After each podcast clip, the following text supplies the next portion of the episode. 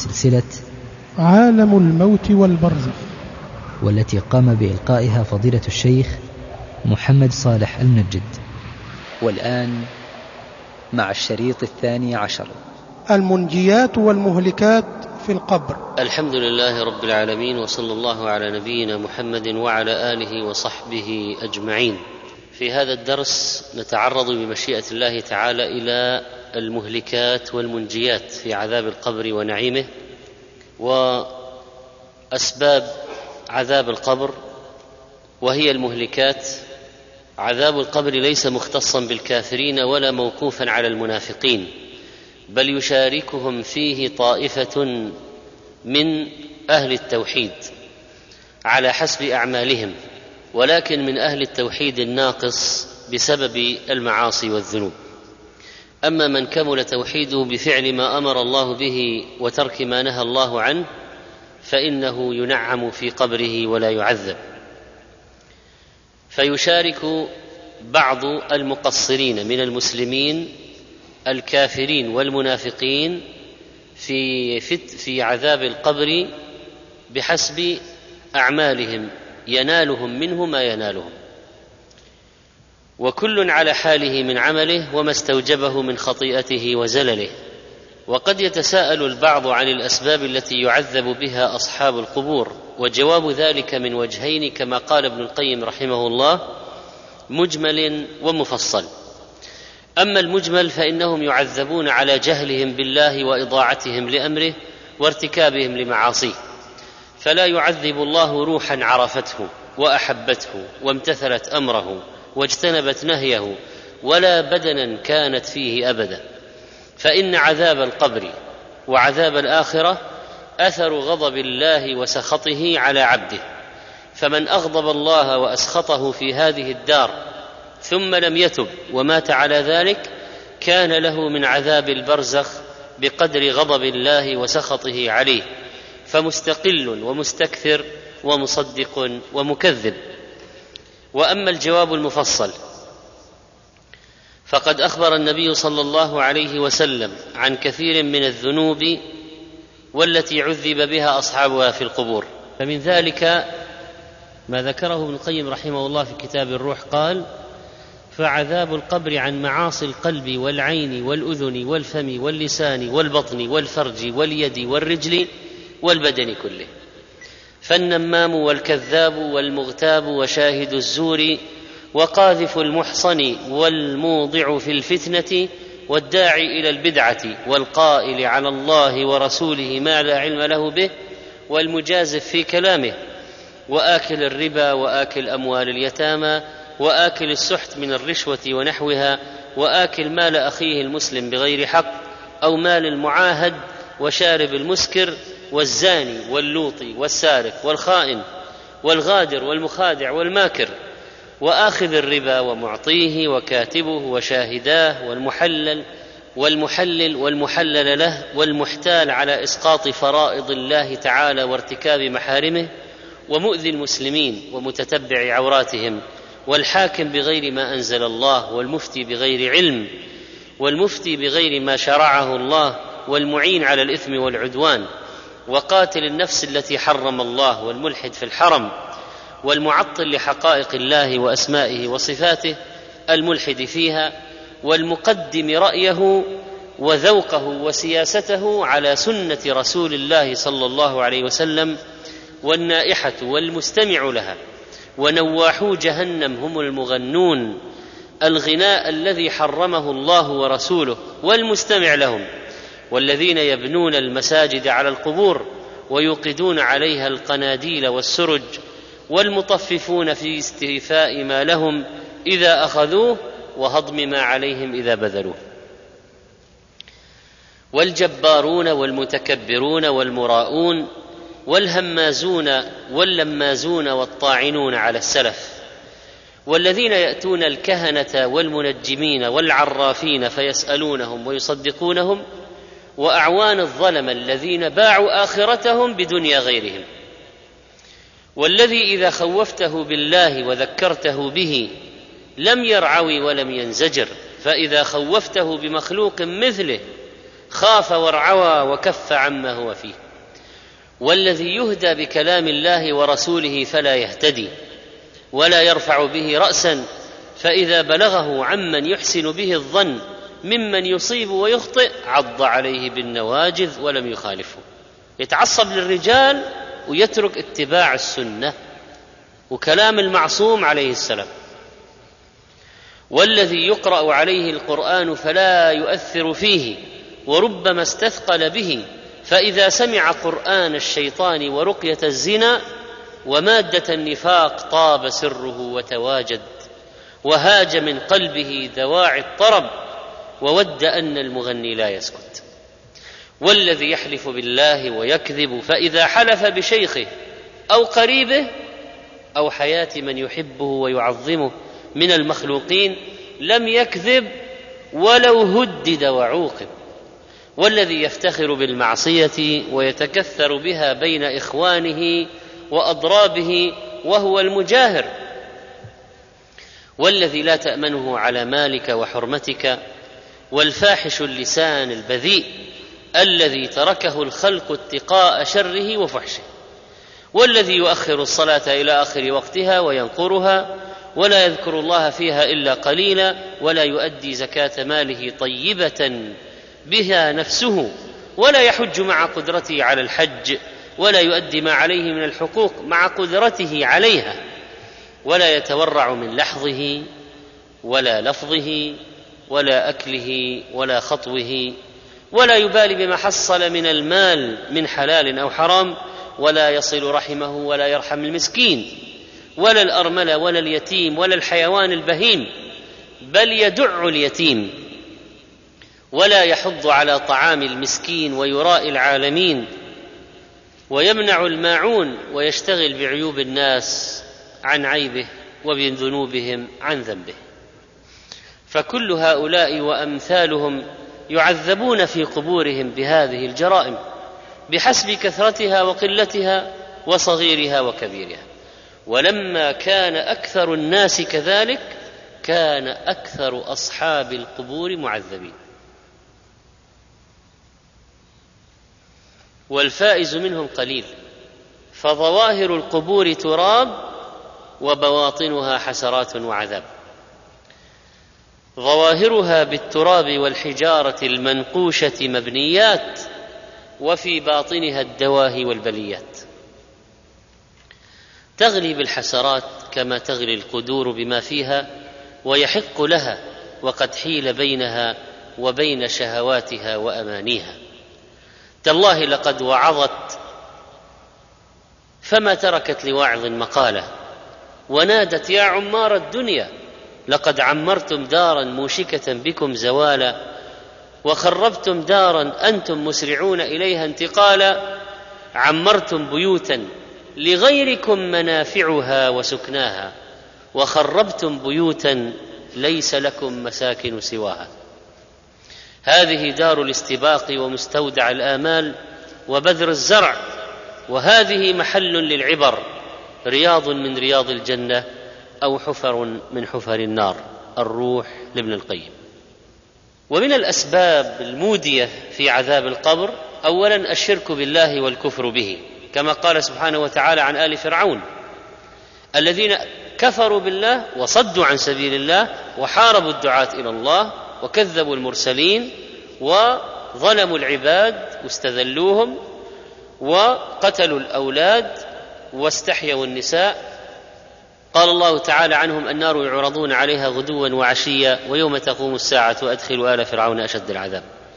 وقال تعالى ولو ترى إذ الظالمون في غمرات الموت والملائكة باسطوا أيديهم أخرجوا أنفسكم. اليوم تجزون عذاب الهون. هذا دليل من أدلة عذاب القبر.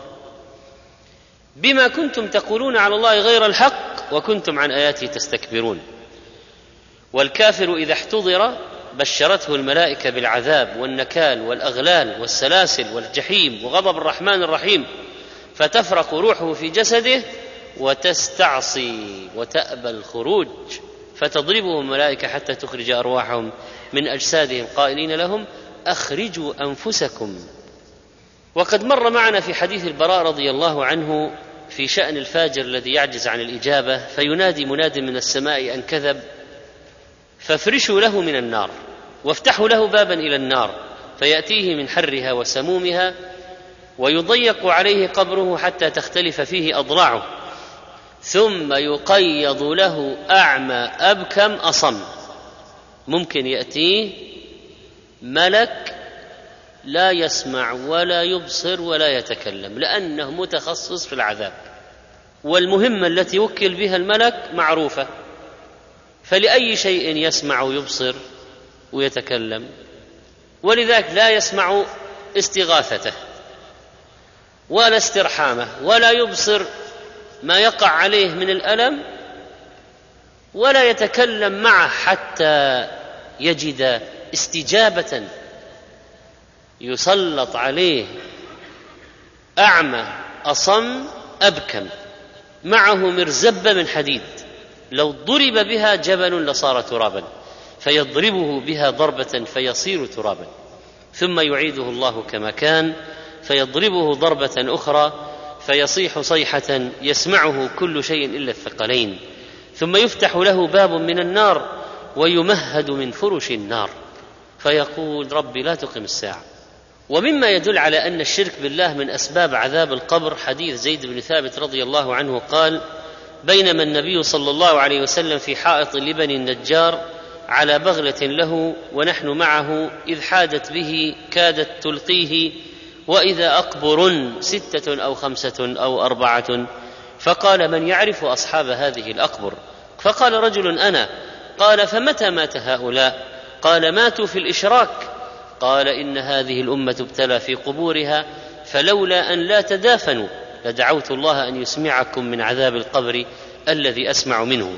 ثم أقبل علينا بوجهه. فقال تعوذوا بالله من عذاب النار. فقالوا نعوذ بالله من عذاب النار. فقال تعوذوا بالله من عذاب القبر. فقلنا نعوذ بالله من عذاب القبر. فقال تعوذوا بالله من الفتن ما ظهر منها وما بطن. قالوا نعوذ بالله من الفتن ما ظهر منها وما بطن. قال تعوذوا بالله من فتنة الدجال. قالوا نعوذ بالله من فتنة الدجال. رواه مسلم. وعند النساء عن أنس رضي الله عنه أن النبي صلى الله عليه وسلم سمع صوتا في قبر. فقال متى مات هذا؟ قالوا مات في الجاهلية فسر بذلك. وقال لولا أن لا تدافنوا لدعوت الله أن يسمعكم عذاب القبر. صححه الألباني. وعند أحمد فإذا هو بقبر يعذب فحاصت البغلة وفي رواية فحادت به وكادت أن تلقيه. فقال رسول الله صلى الله عليه وسلم لولا أن لا تدافنوا لسألت الله أن يسمعكم عذاب القبر. اذا هؤلاء ناس مشركون يعذبون في القبور سمعهم النبي عليه الصلاة والسلام. ولماذا سر لأنهم ناس ماتوا في الإشراك.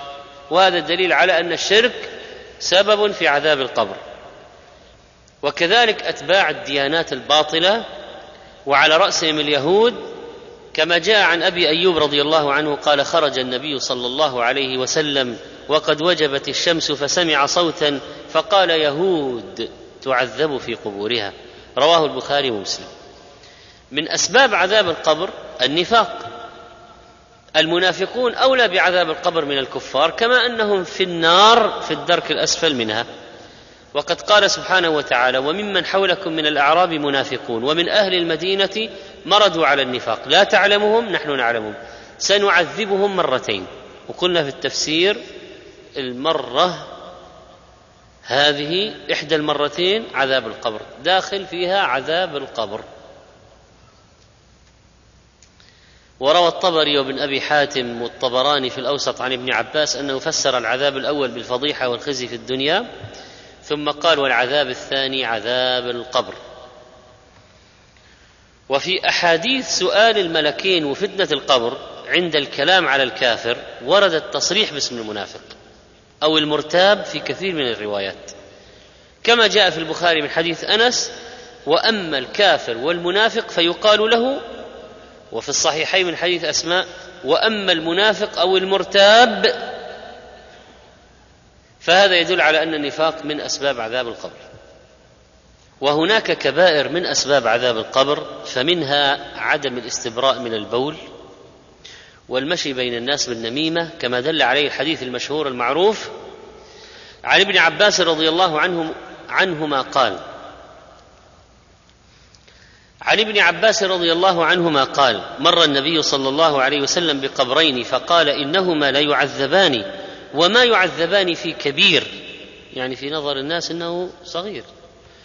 أما أحدهما فكان لا يستتر من البول وأما الآخر فكان يمشي بالنميمة. ثم أخذ جريدة رطبة فشقها نصفين فغرز في كل قبر واحدة. قالوا يا رسول الله لم فعلت هذا؟ قال لعله يخفف عنهما ما لم ييبسا. رواه البخاري ومسلم. قال الخطابي في معالم السنن في قول صلى الله عليه وسلم وما يعذبان في كبير معناه أنهما لم يعذبا في أمر كان يكبر عليهما أو يشق عليهما لو ارادا أن يفعلا وهو التنزه من البول وترك النميمة. ولم يرد أن المعصية في هاتين الخصلتين ليست بكبيرة في حق الدين وأن الذنب فيهما سهل هين. كلا. لقد مر بحائط والحائط هو البستان يعذبان أي صاحبا القبرين. وما يعذبان في كبير ثم قال بلى يعني بلى إنه كبير. وفي رواية وما يعذبان في كبير وإنه لكبير. إنه لكبير وليس وما يعذبان في كبير ليس بكبير في ظنهما واعتقادهما اللذان مارسا هذا الذنب أو هذين الذنبين ليس بكبير في اعتقادهما وظنهما أو ليس في اعتقاد المخاطبين وعامة الناس لكنه عند الله كبير كما قال تعالى في الإفك وتحسبونه هينا وهو عند الله عظيم وقيل ليس بكبير في مشقة الاحتراز منهما كما قال الخطابي وجزم به البغوي ورجحه من دقيق العيد وجماعة. وقيل ليس بكبير بمجرده وإنما صار كبيرا بالمواظبة عليه قال الحافظ ويرشد إلى ذلك السياق فإنه وصف كلا منهما بما يدل على تجدد ذلك منه واستمراره عليه. ما هو الدليل؟ أخبروني. ما هو الدليل من الحديث على أنهما كانا يتعودان ذلك وليس أنه حصل منهما مرة واحدة؟ ما هو الدليل؟ نعم. الفعل المضارع. الفعل المضارع. كان لا يستبرئ لا يستتر. يعني هذا ديدنه. والثاني كان يمشي بين الناس النميمة هذا ديدنه وهذه عادته وعلى هذا كان مواظبا. فالفعل المضارع يدل على هذا. لا يستتر وفي رواية لا يستبرئ وفي رواية لا يستنزه. لا يستتر لا يجعل بينه وبين بوله سترة يعني لا يتحفظ من البول لا يتوقى من البول لا يتوقى من النجاسة لا يطهر نفسه لا يستنجي ولا يستجمر. الثاني كان يمشي بالنميمة. نقل كلام الغير للإضرار. نقل كلام الغير للإضرار. يمشي به في الناس للإفساد فيما بينهم. المشاؤون بالنميمة. الموقعون بين الأحبة ومن الأدلة على أن إهمال التطهر من النجاسة سبب في عذاب القبر ما رواه النسائي رحمه الله عن عبد الرحمن بن حسنة رضي الله عنه قال خرج علينا رسول الله صلى الله عليه وسلم وفي يده كهيئة الدرقة الترس فوضعها ثم جلس خلفها فبال إليها اذا ستر نفسه عن عن الناس عند قضاء الحاجة بهذا أو بهذه الدرقة. فقال بعض القوم انظروا يبول كما تبول المرأة. هل هذا الرجل منافق؟ محتمل. قال بعض الشراح إنه منافق لأن هذا الكلام لا يقوله يعني موقر للنبي عليه الصلاة والسلام. قال بعضهم بل يمكن أن يكون مسلما لكن حديث عهد بإسلام أو حديث عهد بجاهلية. تو خرج من الجاهليه وكان أهل الجاهلية لا يرون عيبا أن الواحد يعني يبول ويراه الناس وأن الذي يبول قاعدا خلف شيء هذا شأن النساء. فسمعه يعني النبي عليه الصلاة والسلام سمع كلمة هذا الرجل. وهو يقول انظروا يبول كما تبول المرأة. فقال أوما علمت ما أصاب صاحب بني إسرائيل؟ كانوا إذا أصابهم شيء من البول قرضوه بالمقاريض. يعني بنو إسرائيل من الآثار التي جعلت عليهم نتيجة تكذيبهم وعتوهم وعنادهم أن الله عز وجل أوجب عليهم إذا أصاب البول شيئا من ثيابهم أن يقرضوه بالمقاريض. يجي يقص المكان الذي أصابه البول. ولا يكفي غسله. ولا يكفي غسله. كانوا إذا أصابهم شيء من البول قرضوه بالمقاريض فنهاهم صاحبهم. يعني واحد منهم قال ما في داعي لا تفعلوا هذا. فعذب في قبره.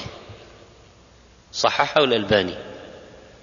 إذا التستر والجلوس لقضاء الحاجة سنة ويفيد في قضية أمن ارتداد رشاش البول على ال... الذي يقضي حاجته. والنبي عليه الصلاة والسلام قضى حاجته كذلك ليعلمهم الاستتار عن الناس. ومن الأدلة أيضا على أن الإهمال في موضوع غسل النجاسة والإهمال في قضية استبراء من البول أن من أدلة عذاب القبر ما جاء عن ابن عباس رضي الله عنه عن النبي صلى الله عليه وسلم قال إن عامة عذاب القبر من البول فتنزهوا منه. أخرجه البزار والدار قطني وقال لا بأس به وصححه الألباني. لكن الفهم الخاطئ لهذا الحديث يوقع بعض الناس في الوسوسة. فيمكثون في المراحيض ودورات المياه وقتا طويلا ويضيعون الواجبات ويضيعون صلاة الجماعة وربما ضيعوا الصلاة عن وقتها ويقعون في البدع ويقومون ب يقعون في البدع ويكررون الغسل وإسراف والإسراف في الماء ويعملون أشياء ما أنزل الله بها من سلطان من الإجراءات الصعبة العسيرة لاستخراج البول بزعمهم وتصفية البول بظنهم لكي لا يكونوا من المعذبين في القبر. وربما يعذبون بطريق آخر ومعصية من نوع آخر. لأن الموسوسين هؤلاء يتبعون خطوات الشيطان. فإن الشيطان يأمر بهذا ويعذب الإنسان حتى يجعله يكره العبادة ويكره الطهارة ويكره الصلاة. بالوسوسة. طيب الحديث الذي فيه أنه أخذ جريدة رطبة فشقها نصفين فغرز في كل قبر واحدة ما الحكمة من ذلك؟ قال الشيخ بن عثيمين رحمه الله لأنهما أي الجريدتين قيل قيل يعني قال بعضهم سبب سبب غرس الجريدتين يعني من جريد النخل من شجر النخل. سبب غرس الجريدتين أنهما تسبحان والتسبيح يخفف من العذاب على الميت. ثم استنبط بعض هؤلاء قالوا التسبيح عند القبر مفيد للميت. لكن هذا تعليل ضعيف. لأن الجريدتين تسبحان الله سواء كانتا رطبتين أم يابستين. لقوله تعالى تسبح له السماوات السبع والأرض ومن فيهن وإن من شيء إلا يسبح بحمده. ولكن لا تفقهون تسبيحهم. إذا ما هي العلة مرة أخرى؟ السؤال يعود. العلة يقول الشيخ أن الرسول صلى الله عليه وسلم ترجى من الله عز وجل أن يخفف عنهما من العذاب ما دامت هاتان الجريدتان رطبتين. يعني أن المدة ليست طويلة وذلك من أجل التحذير من فعلهما لأن فعلهما كبير كما جاء في رواية بلى إنه كبير. وهذا هو الأقرب في معنى الحديث أنها شفاعة مؤقتة تحذيرا للأمة لا بخلا من الرسول صلى الله عليه وسلم بالشفاعة الدائمة. وقد سبق أن قلنا إن الإنسان المعذب في قبره قد يخفف عذابه مؤقتا لسبب. من دعاء قريب صادف ذلك الوقت أو هدية من عمل صالح كصدقة أو إشراك في أضحية أو حج عنه أو عمرة أو قضاء دين. فقد يحدث توقف دائم أو مؤقت أو تخفيف بسبب. هل يشرع لنا إذا مررنا بقبور أن نغرس جريدة رطبة أو نشقها نصفين ونجعل على القبر نصفها. الجواب كلا لأسباب. اولا أنه خاص بالنبي عليه الصلاة والسلام ولذلك لم يفعله أصحابه. ثانيا أنه لم يفعله في القبور الأخرى. فعله في هذه المرة لسبب وليبين خطورة الموضوع وأن الشفاعة هنا مؤقتة لوعظ الناس الآخرين. ثلاثة أن هذا كان مبنيا على علم من الوحي انهما يعذبان. وإلا فما يدريك أن صاحب هذا القبر معذب حتى تغرس له جريدة؟ بل إن غرسها ربما يؤدي إلى مع أن يكون معناه إساءة الظن بالميت وأنك تقول الآن هو يعذب وأنا سأغرس من أجل أن يخفف عنه. وقد يكون منعما وقد يكون غفر الله له ولو كان من أهل الذنوب والمعاصي. ومسرفا على نفسه.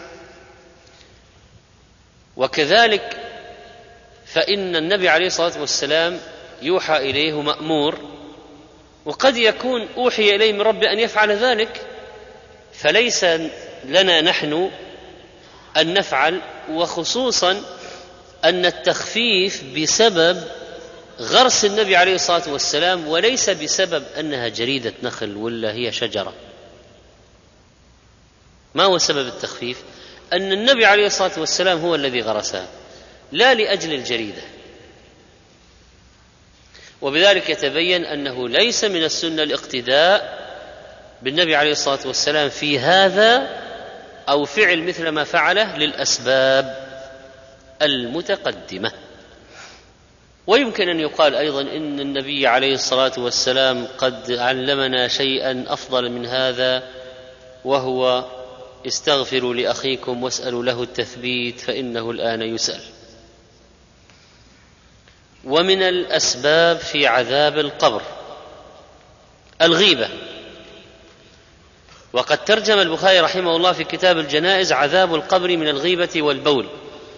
ثم روى في حديث القبرين السابق مع أن لفظ البخاري ليس فيه ذكر الغيبة وإنما فيه النميمة لكنه جرى على عادته في الإشارة إلى بعض ما ورد في طرق الحديث. وأما الآخر فيعذب في الغيبة. أخرجه أحمد وصححه الألباني. اذا الغيبة من الأسباب. قال بعض أهل العلم الغيبة تلازم النميمة لأن النميمة مشتملة على ضربين نقل كلام المغتاب إلى الذي اغتابه والحديث عن المنقول عنه بما لا يريده.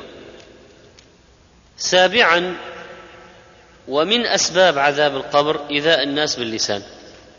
كما جاء في حديث الجريدتين في بعض رواياته وكان الآخر يؤذي الناس بلسانه ويمشي بينهم بالنميمة. رواه ابن حبان والصحاح والحافظ في الفتح والألباني في صحيح الترغيب. ومن أسبابه كذلك الصلاة بدون طهارة. كما جاء في حديث عبد الله بن مسعود عن النبي صلى الله عليه وسلم قال أمر بعبد من عباد الله أن يضرب في قبر مئة جلدة. فلم يزل يسأل الله ويدعوه حتى صارت واحدة. فامتلأ قبره عليه نارا. فلما ارتفع عنه أفاق فقال على ما جلدتموني؟ قالوا إنك صليت صلاة بغير طهور. فاسأل بعض الطلاب في المدارس كيف يصلون صلاة الظهر وهم على جنابة؟ واسأل الذين يجاملون بعض الضيوف فيقومون معهم للصلاة بغير طهر. ومن أسباب عذاب القبر عدم نصرة المظلوم.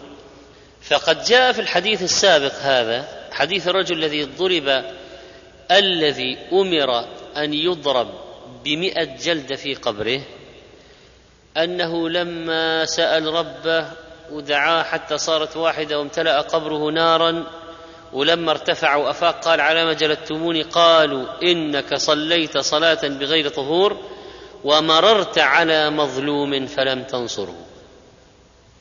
وحسنه الألباني في صحيح الترغيب. ومن أسباب عذاب القبر الكذب.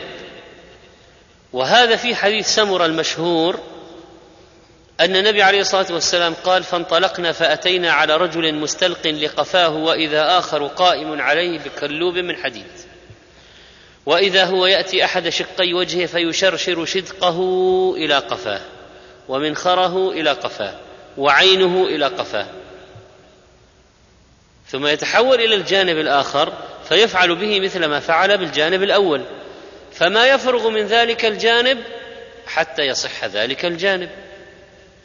ثم يعود عليه فيفعل مثل ما فعل المرة الأولى. قلت سبحان الله ما هذان؟ الحديث وفي آخره قال إنه الرجل يغدو من بيته فيكذب الكذبة تبلغ الآفاق. رواه البخاري. هذا الحديث فهم منه أهل العلم أنه في عذاب القبر.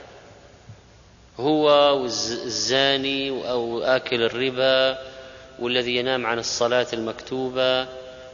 هذا الكذاب الذي يكذب فتبلغ الكذبه الآفاق واليوم تبلغ الآفاق بالإنترنت برسائل الجوال تبلغ الآفاق وبالقنوات الفضائية وبالجرايد.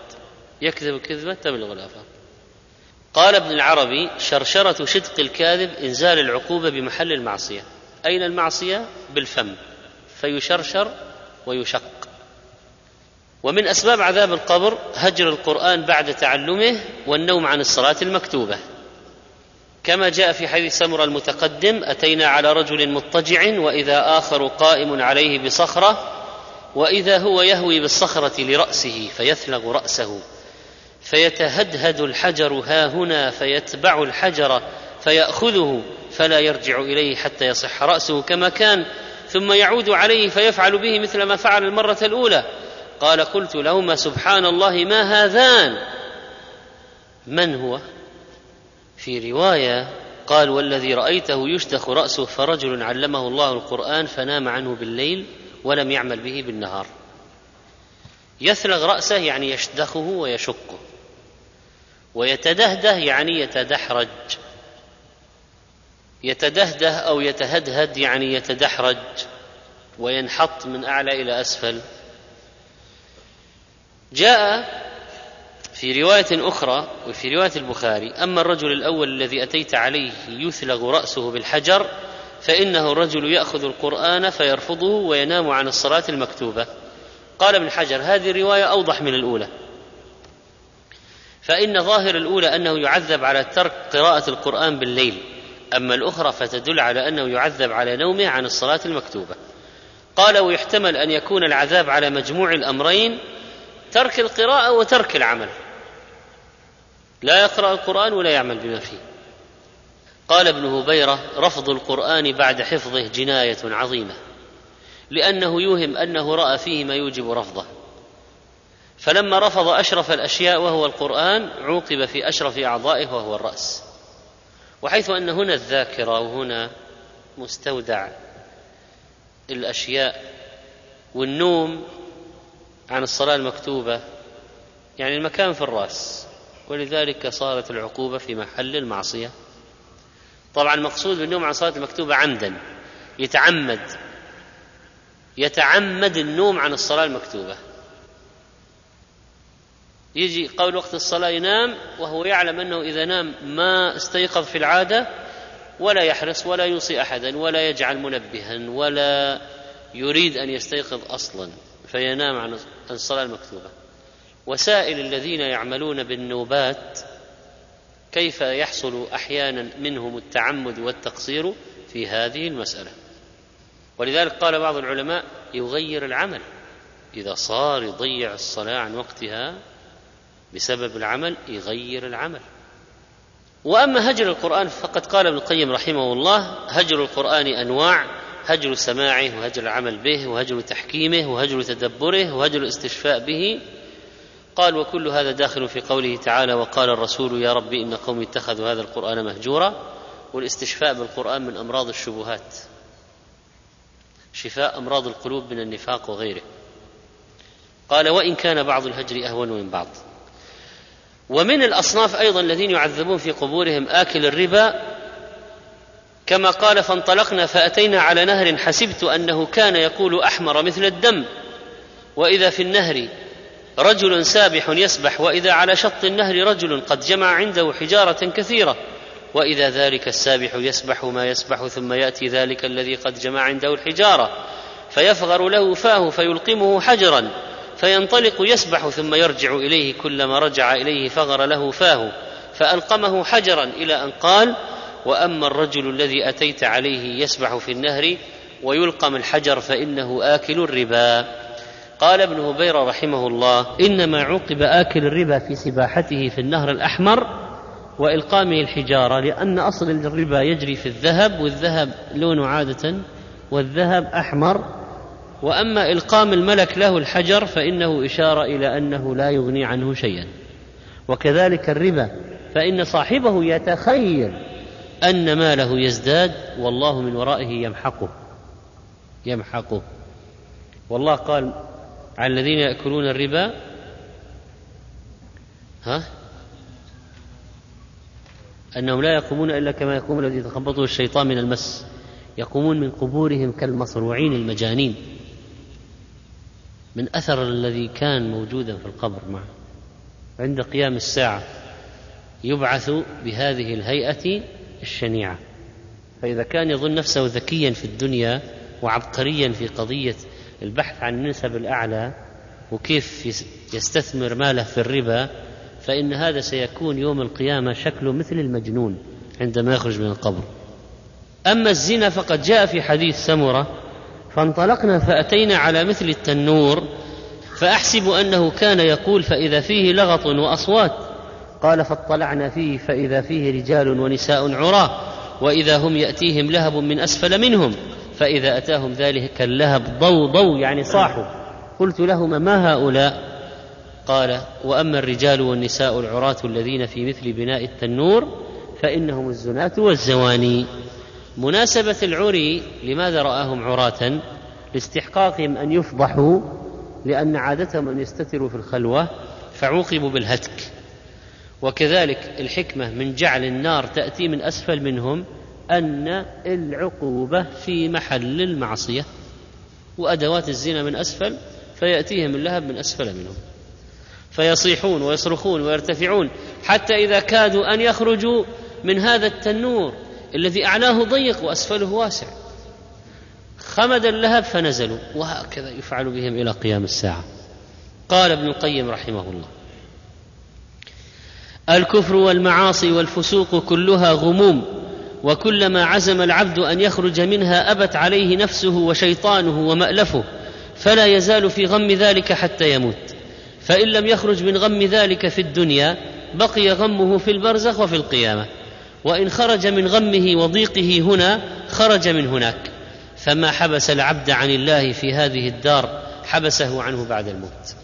وكان معذبا به هناك. كما كان قلبه معذبا به في الدنيا. فليس العشاق والفجرة والظلمة في لذة في هذه الدار وإنما هم يعذبون فيها.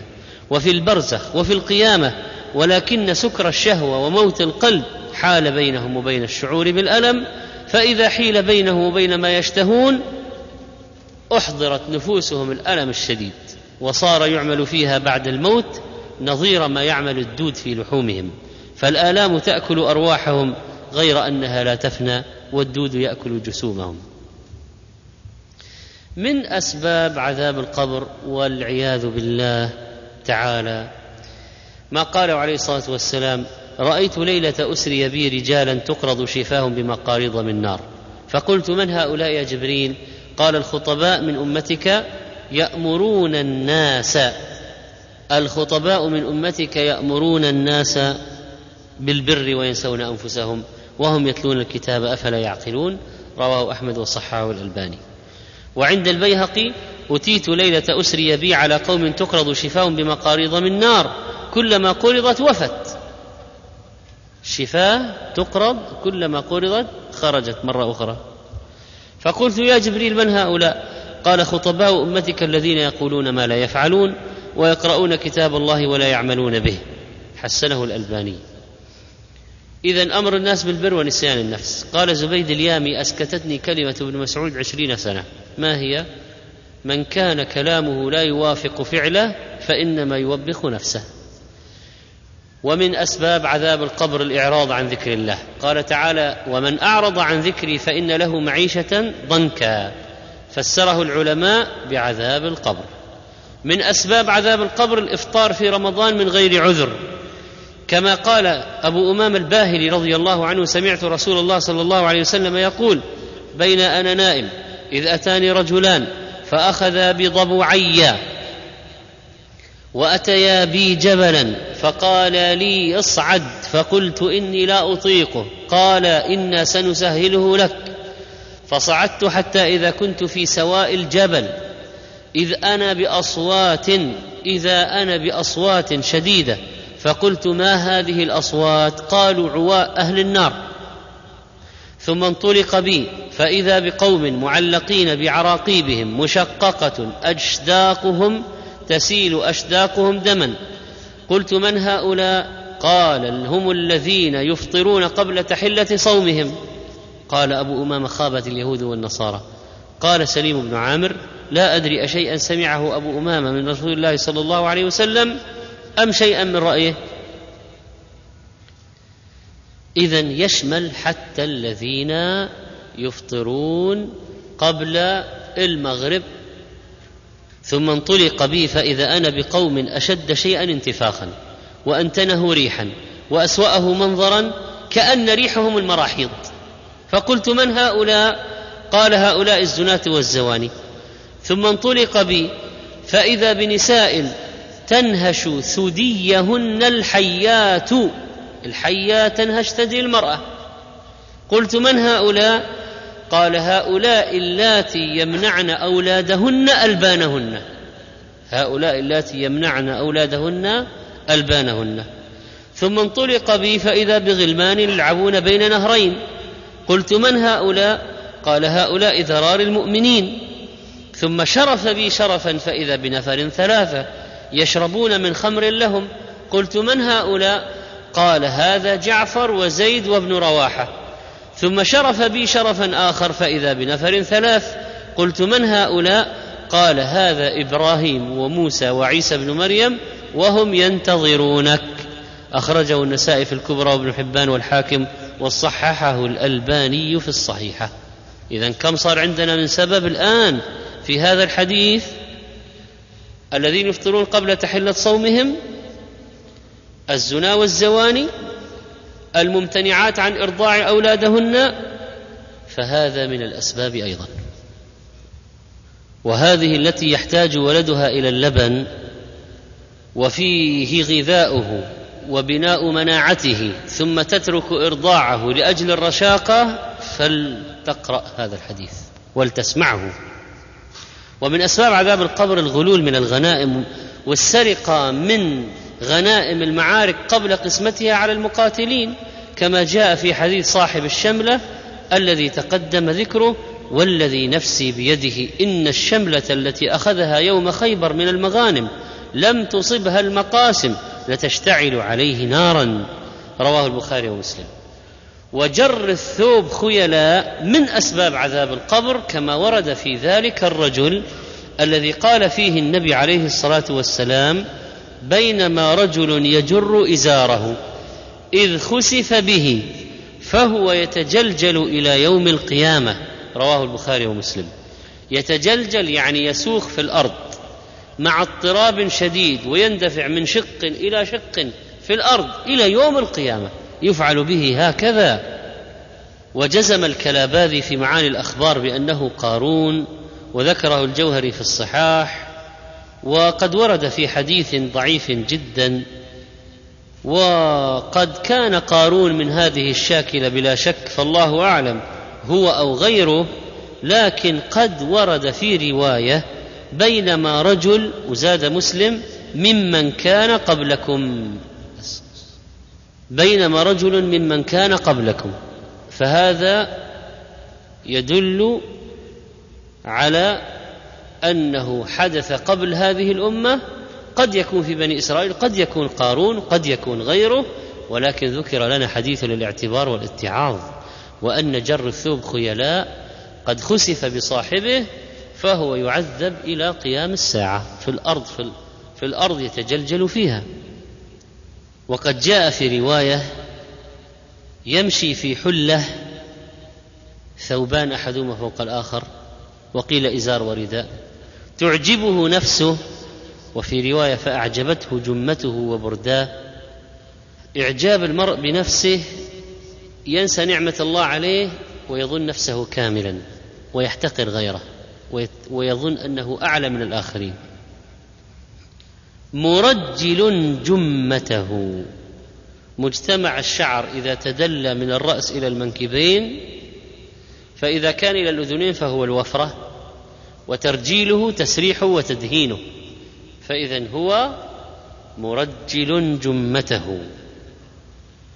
يمشي في حلة تعجبه نفسه. إذ خسف الله به خسف الله به الأرض. فهو يتجلجل إلى يوم القيامة وفي رواية حتى تقوم الساعة والجلجله الحركة مع صوت. وكل شيء خلط بعضه ببعض فهو جلجلة. وكل شيء خلطت بعضه ببعض فقد جلجلته. والتجلجل أن يسوخ في الأرض مع اضطراب شديد ويندفع من شق إلى شق. ومن أسباب عذاب القبر النياحة على الميت وقلنا يعذب الميت في القبر إذا كان كافرا بما نيح عليه وإذا كان أمر أهله بالنياحة عليه إذا مات وإذا كان يعلم أن أهله ينوحون ولم ينههم قبل أن يموت. أما إذا كان عبدا صالحا نهى عن المنكر بل أوصى أهله بعدم النياحة ثم ناحوا عليه فإنه يتألم في قبره لأجلهم وليس أنه يعذب كما مر معنا. من أسباب عذاب القبر التساهل في الديون والاقتراض دون الحرص على الوفاء. فعن سعد بن الأطول قال مات أخي وترك ثلاثمائة دينار وترك ولدا صغارا فأردت أن أنفق عليهم فقال لي رسول الله صلى الله عليه وسلم إن أخاك محبوس بدينه فاذهب فاقض عنه. فذهبت فقضيت عنه. ثم جئت فقلت يا رسول الله قد قضيت عنه ولم يبق إلا امرأة تدعي دينارين وليست لها بينة. قال أعطها فإنها صادقة. طبعا هذا وحي وحي. روى أحمد بن ماجه قال الألباني أحد إسناديه صحيح. وعن جابر قال توفي رجل فغسلناه وحنطناه وكفناه ثم أتينا به رسول الله صلى الله عليه وسلم يصلي عليه. فقلنا تصلي عليه؟ فخطى خطأ ثم قال أعليه دين؟ قلنا ديناران. فانصرف. أبى أن يصلي عليه. فتحملهما أبو قتادة. فأتيناه فقال أبو قتادة الديناران علي. فقال رسول الله صلى الله عليه وسلم أحق الغريم وبرئ منهما الميت؟ قال نعم. خرس انتقلت إلى ذمتي.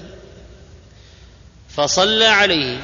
ثم قال بعد ذلك بيوم ما فعل الديناران؟ قلت إنما مات أمس. فعاد إليه من الغد فقال لقد قضيتهما. فقال رسول الله صلى الله عليه وسلم الآن برد عليه جلده. رواه أحمد. فأما من اقترض لحاجة مباحة من نفقة أهله وعياله وهو ناوي القضاء ومجتهد في ذلك ولكن غلب على أمره فلعل الله أن يتحمل عنه بفضله. هناك بعض الذنوب والمعاصي النبي عليه الصلاة والسلام رأى أصحابها في النار. صنيع بعض العلماء في كتبهم كابن القيم ممكن يفهم منه أنه يراها في عذاب القبر. ولكن الاحتمال الآخر أنه رأى ماذا سيكون في المستقبل بعد دخول هؤلاء النار. والله على كل شيء قدير الله قادر أن يري النبي عليه الصلاة والسلام مناظر من المستقبل. بعد ما يدخل أهل النار النار يريه إياها وهو الآن في الدنيا. ممكن. فنحن نذكرها بسرعة. مثلا كفران العشير وكثره اللعن. ورد في الحديث أريتكن أكثر أهل النار. تكفرن الزوج تجحدن حقه تكثرن الشكاية تكفرن العشير تكثرن اللعن. مثلا السرقة من الحجاج لقد جيء بالنار رأيت فيها صاحب المحجن يجر قصبه يعني أمعاءه في النار كان يسرق الحاج بمحجنه مثل العكاز عسى عصا مثل العكاز عصا لها طرف محني. فإن فطن له قال إنما تعلق بمحجني وإن غفل عنه ذهب به. وفي رواية وعرضت علي النار فجعلت أنفخ خشية أن يغشاكم حرها ورأيت فيها سارق بدنتي رسول الله صلى الله عليه وسلم ورأيت فيها أخا بني دعدع سارق الحجيج فإذا فطن له قال هذا عمل المحجن. من ال أيضا من الناس الذين رآهم النبي عليه الصلاة والسلام في النار التي حبست الهرة حتى ماتت. قال ورأيت فيها امرأة طويلة سوداء تعذب في هرة ربطتها فلم تطعمها ولم تسقها ولم تدعها تأكل من خشاش الأرض حتى ماتت. والحديث رواه النسائي وصححه الألباني.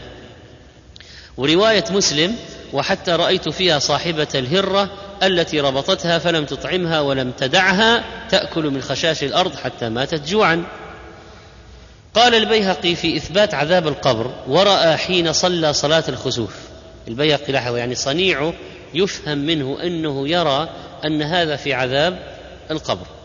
قال البيهقي في كتاب إثبات عذاب القبر ورأى حين صلى صلاة الخسوف من يجر قصبه في النار أمعاءه ومن يعذب في السرقة والمرأة التي كانت تعذب في الهرة وقد صاروا في قبورهم رميما في أعين أهل زمانه ولم يرى من صلى معه من ذلك ما رأى. يعني الذين صلوا مع النبي عليه الصلاة والسلام صلاة الخسوف ما رأوا النار وما رأوا من فيها. ننتقل الآن إلى ذلك الرجل المجرم من أكبر المجرمين العرب. إنه أول من أدخل الشرك في العرب. لقد كان العرب موحدين على دين. إبراهيم وإسماعيل. حتى خرج فيهم واحد مجرم أدخل الشرك فيهم قال عليه الصلاة والسلام في حديث الكسوف إنه عرض علي كل شيء تولجونه. كل شيء تدخلونه عرض علي. النار القبر الجنة. فعرضت علي الجنة حتى لو تناولت منها قطفا أخذته. وعرضت علي النار فرأيت فيها امرأة من بني إسرائيل تعذب في هرة لها ربطتها فلم تطعمها ولم تدعها تأكل من خشاش الأرض. ورأيت أبا ثمامة عمرو بن مالك يجر قصبه في النار. وفي رواية البخاري رأيت عمرو بن عامر الخزاعي يجر قصبه في النار كان أول من سيب السوائب. من هو هذا الرجل الذي قال فيه النبي عليه الصلاة والسلام رأيته يجر قصبه. الأمعاء. سيب السوائب. البحيرة التي يمنع درها للطواغيت فلا يحلبها أحد من الناس. السوائب التي كانوا يسيبونها لآلهتهم لا يحمل عليها شيء. السائبة هذه كانوا ينذرونها للأصنام فتسيب الدابة ولا ينتفع بها. ولا تحبس عن مرعى ولا عن ماء يقولون هذه لأصنامنا هذه لآلهتنا ولا يركبها أحد ولا يحمل على ظهرها شيء. يحرمون ما أحل الله. إذا بلغت سنا معينا اصطلحوا عليه سيبوها لا تركب ولا يحمل عليها شيء ولا تؤكل. هكذا سيب السوائب أول من سيبه سن فيهم هذه السنة. قال شيخ الإسلام ابن تيمية العرب من ولد إسماعيل وغيره. الذين كانوا جيران البيت العتيق الذي بناه إبراهيم وإسماعيل كانوا حنفاء ملة إبراهيم. إلى أن غير دينه بعض ولاة خزاعة وهو عمرو بن لحي وهو أول من غير دين إبراهيم بالشرك وتحريم ما لم يحرمه الله. هذا الرجل ذهب خارج جزيرة العرب ورأى الأصنام أعجب بها وجلبها إلى العرب ونصبت حول الكعبة وعبدت من دون الله. هذا الذي يسن سنة سيئة في الناس هكذا تكون العقوبة. يجر الأمعاء في النار. لقد عرضنا المهلكات والأسباب للهلاك. وحتى لا يظن بعض الناس كما قال واحد قال هذا من الإرهاب الفكري. طبعا هذا كلام الله وكلام رسوله الذي توعظ به القلوب وليس ارهابا فكريا. فالمسكين من يمر بالمواعظ فلا يتعظ. ما هي المنجيات حتى تكتمل الصورة؟ ما هي المنجيات؟ تجنب تلك الأسباب التي تقتضي عذاب القبر.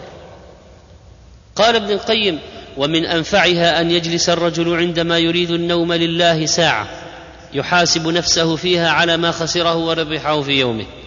ثم يجدد له توبة نصوحا بينه وبين الله فينام على تلك التوبة ويعزم على أن لا يعاود الذنب إذا استيقظ ويفعل هذا كل ليلة خل لك في كل ليلة ساعة محاسبة حتى تنجو من عذاب القبر.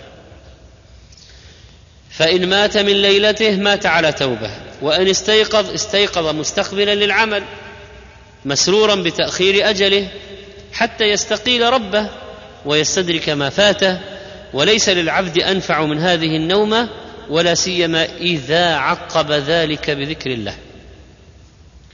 واستعمال السنن التي وردت عن رسول الله عند النوم فمن أراد الله به خيرا وفقه لذلك ولا قوة إلا بالله. وأما الأسباب المفصلة المنجية من عذاب القبر أولها التوحيد والإيمان وهو أعظم سبب للنجاة. وقد جاء في الحديث الصحيح في سؤال الملكين في القبر فيقولان له من ربك؟ فيقول ربي الله. ما دينك؟ فيقول ديني الإسلام. ما هذا الرجل الذي بعث فيكم؟ فيقول هو رسول الله صلى الله عليه وسلم. فيقولان له وما علمك؟ فيقول قرأت كتاب الله فآمنت به وصدقته. قرأت كتاب الله فآمنت به وصدقت. وفي رواية فينتهره فيقول من ربك؟ ما دينك؟ من نبيك؟ وهي آخر فتنة تعرض على المؤمن. فذلك حين يقول الله عز وجل يثبت الله الذين آمنوا. اذا الإيمان الإيمان هذا أعظم سبب للنجاة من عذاب القبر. صحح العقيدة.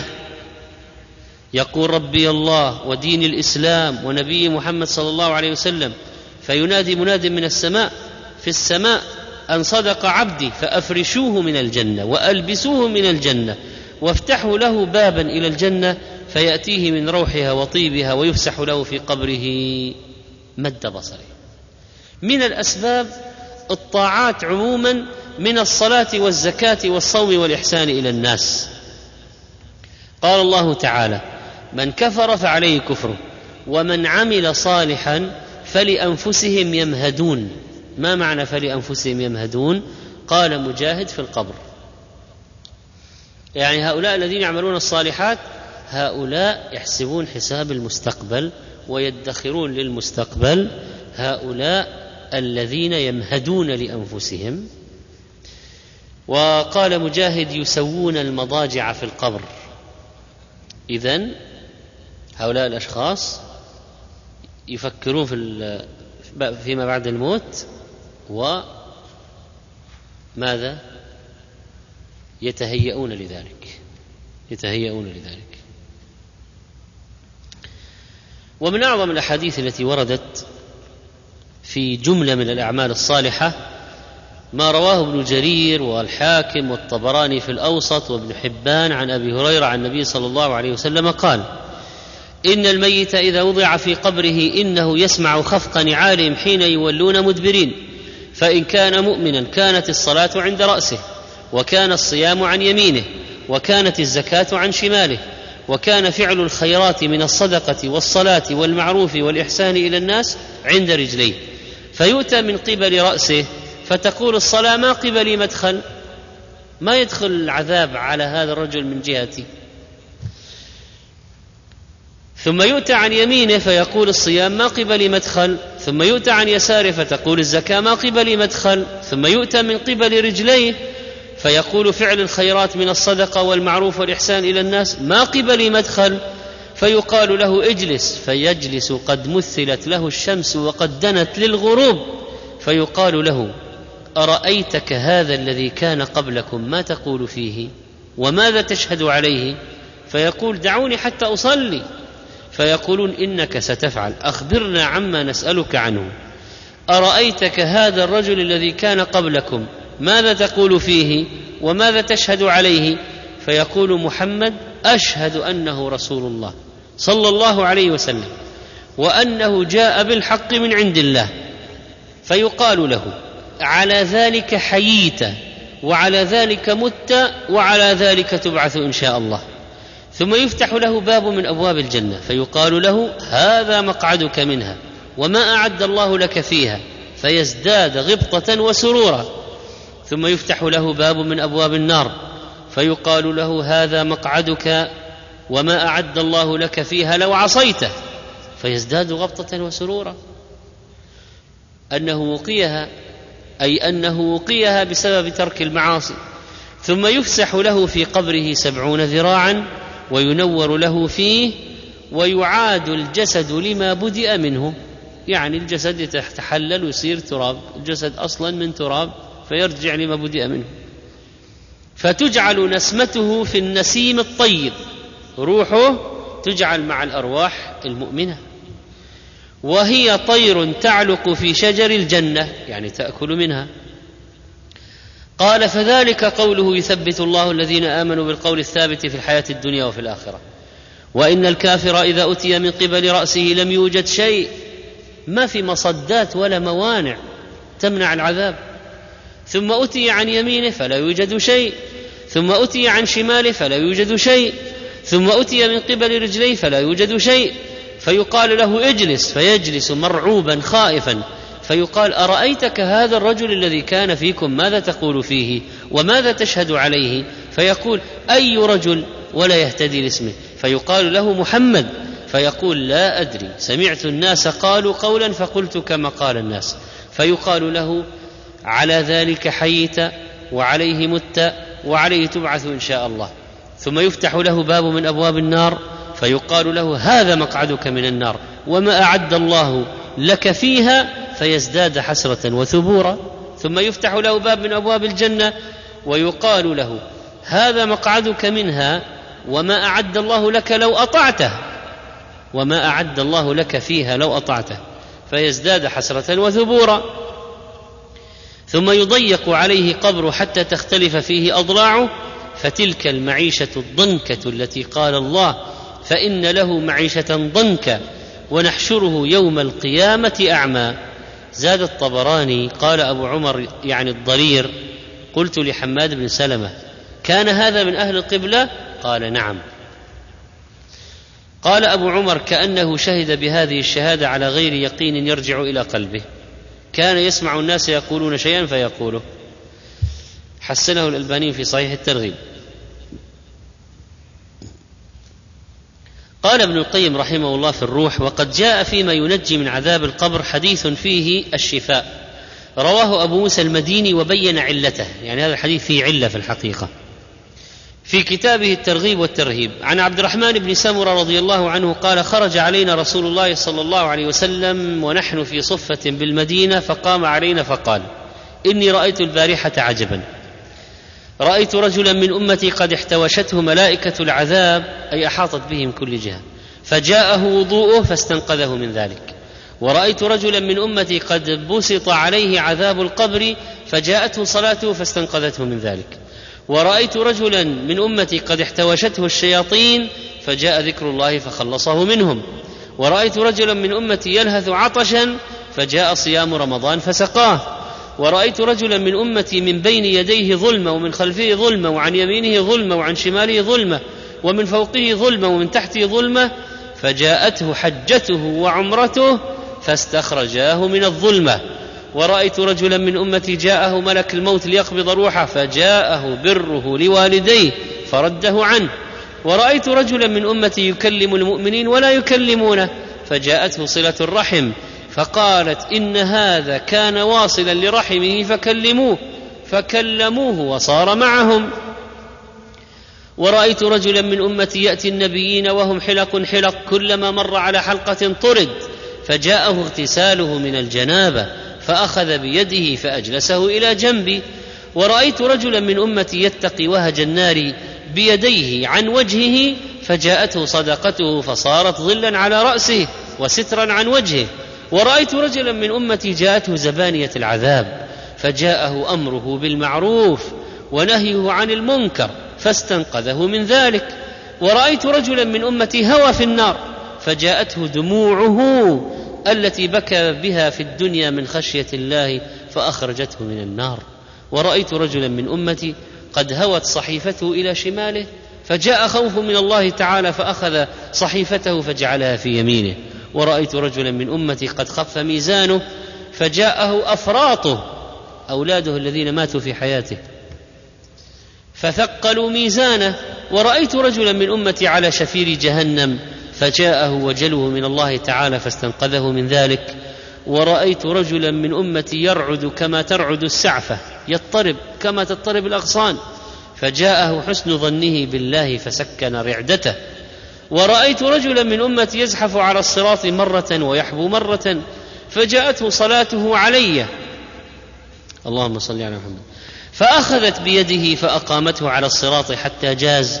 ورأيت رجلا من أمتي انتهى إلى أبواب الجنة فغلقت الأبواب دونه. فجاءته شهادة أن لا إله إلا الله فأخذت بيده فأدخلته الجنة. الحديث ضعفه الألباني في ضعيف الجامع وضعفه السيوطي في الجامع الصغير وقال الهيثمي في مجمع الزوائد رواه الطبراني بإسنادين في أحدهما سليمان بن أحمد الواسطي وفي الآخر خالد بن عبد الرحمن المخزومي وكلاهما ضعيف. طبعا سياقته لأنه منتشر في الإنترنت وغيرها لكن قال ابن القيم رحمه الله وسمعت شيخ الإسلام يعظم أمر هذا الحديث قال وأصول السنة تشهد له وهو من أحسن الأحاديث. من أعظم ما ينفع في الوقاية من عذاب القبر أيها الإخوة والأخوات قراءة سورة تبارك. عن عبد الله بن مسعود رضي الله عنه قال قال النبي صلى الله عليه وسلم سورة تبارك هي المانعة من عذاب القبر. قال الألباني في السلسلة سنده حسن. وللحديث شاهد عند الترمذي عن ابن عباس رضي الله عنهما قال إن النبي صلى الله عليه وسلم قال عن سورة تبارك هي المانعة هي المنجية تنجيه من عذاب القبر. والمعنى صحيح وإن كان السند ضعيفا والمانعة سورة الملك تمنع من عذاب القبر أو المعاصي التي توجب عذاب القبر. المنجية هذا مؤكد لكونها مانعة فهي تنجيه من عذاب القبر. وجاء في رواية للترمذي قال عليه الصلاة والسلام إن سورة من القرآن ثلاثون آية شفعت لرجل حتى غفر له. وهي سورة تبارك الذي بيده الملك حسنه الألباني. شفعت لرجل حتى غفر له. كان يقرأها ويعظم قدرها. فلما مات شفعت له حتى دفع عنه عذابه. ويحتمل أن ذلك في المستقبل يعني أنها تشفع لمن يقرأها في القبر أو يوم القيامة تشفع له في القبر وتشفع له يوم القيامة. كذلك من الأشياء التي تنفع بأمر الله في فتنة القبر وتنجي منها الموت يوم الجمعة وليلة الجمعة. والحديث تقدم ما من مسلم يموت يوم الجمعة أو ليلة الجمعة إلا وقاه الله فتنة القبر. أما الشهيد الشهادة في سبيل الله من أعظم ما ينفع في القبر وينجي في القبر. قال عليه الصلاة والسلام من كثرة ما ذكر فضائل الشهداء قال رجل يا رسول الله ما بال المؤمنين يفتنون في قبورهم إلا الشهيد؟ فقال عليه الصلاة والسلام كفى ببارقة السيوف على رأسه فتنة البروق اللمعان فثباتهم عند السيوف وبذلهم لأرواحهم في سبيل الله دليل إيمانهم فلماذا يسألون في القبر عن الدين والنبي والرب عز وجل؟ وهم في غاية الإيمان حتى دفعوا حياتهم ثمنا لهذا الإيمان. كفى ببارقة السيوف على رأسه فتنة الامتحان حصل لو كان منافقا لفر من المعركة ولما صبر ولكن تحت لمعان السيوف ما دام ثبت يعني إيمان قوي يعني يغنيه عن فتنة القبر وسؤال القبر. وقد قال عليه الصلاة والسلام للشهيد عند الله ست خصال يغفر له في أول دفعة ويرى مقعده من الجنة ويجار من عذاب القبر ويأمن من الفزع الأكبر الحديث. إذا قوله يجار من عذاب القبر يحفظ ويؤمن هذا هو الشهيد. يحفظ ويؤمن. بعض العلماء قال حتى الشهداء الآخرين ينالهم نصيب من هذا. يعني هذه الميزة.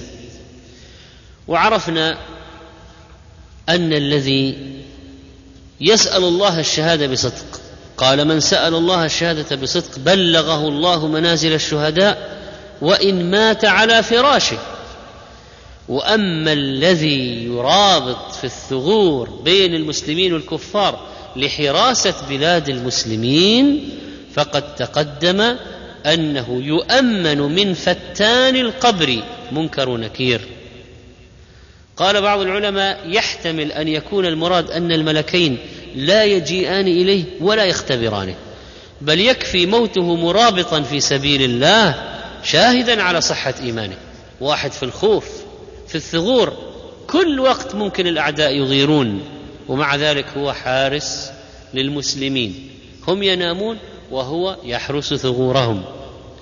قال ويحتمل أنهما يجيئان إليه لكن لا يضرانه ولا يحصل بسبب مجيئهما فتنة.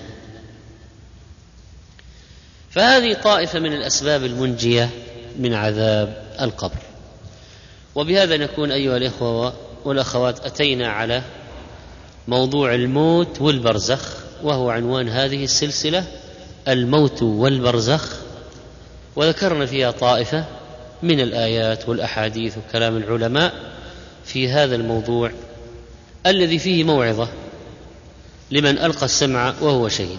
نسأل الله سبحانه وتعالى أن يقينا من عذاب القبر وأن يؤمننا من فتنة القبر وأن يجعلنا في قبورنا من السعداء الآمنين وصلى الله على نبينا محمد وعلى آله وصحبه أجمعين وإقامة الصلاة بعد دقائق إن شاء الله. جزى الله الشيخ خير الجزاء وجعل ما قدم في موازين حسناته. وتقبلوا تحيات إخوانكم في صدى التقوى للإنتاج والتوزيع وبالتعاون مع تسجيلات التقوى الإسلامية بالرياض. والسلام عليكم ورحمة الله وبركاته. بموجب فهرس تسجيلات التقوى فإن رقم هذا الشريط هو أربعة عشر ألفا ومائة واثنا عشر.